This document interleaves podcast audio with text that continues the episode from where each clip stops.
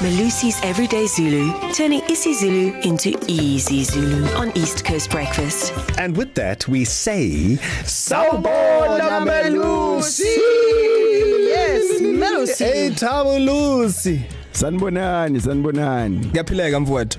Ah no, ngiyazameka. Yeah, ngiyazameka. Ngiyazameka mfowethu igama lethu la namhlanje lithini? Ah, elethu la namhlanje imvelaphi. Oh, Imvelaphi. Oh, Yes, imvelaphi. We, we haven't done this in a while, so before you give us the explanation and the meaning of the word, yeah. Darren Moore, Yes. imvelaphi. It's very easy. Yeah. I hear this one all the time. Okay.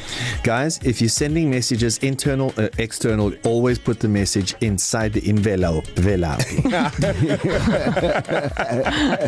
and it's confusing because people don't know if it's envelope, envelope, or envelapi. Oh. You know what I mean? Hey, mfowethu, mfowethu, adusijeneke, can you do you agree with that? No, not at all. Not even close. You're not even close. Okay, Alright, help so me. there are two words. Um, it's it's it's it's it's a, it's a combination of two words. Vela, which is origin and appear, Oh, yes. And and p, which is where.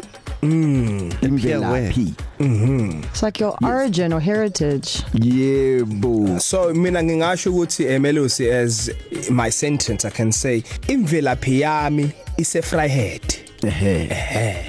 And then translate. Uh, my heritage or where I come from is Fryhead because that's where I was Give me the born. sentence again. Imvelaphi yami Velapi. yami Yami. ise Fryhead. Is a frehet. Ehhe. Kerry? Um, kuhle ukuzazi imvelaphi yami. Yes, yes. Yeah. So I can say envelapi.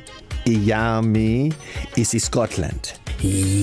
Yebo. No. Did I mean, you just Yebo. copy pasted my. And you said you sub Fryhead to Scotland, but That's how language and culture works. Hey? You just copy the previous generation. Just go. or, or, uh, Oh, do you, man. is it is it three green lights there, mate? Yeah, I, I think you guys did well on this one, and, and I guess it's Heritage Month, so you had to get it right. Yeah. Okay, so uh, It's Nyanga Yemvelaphi.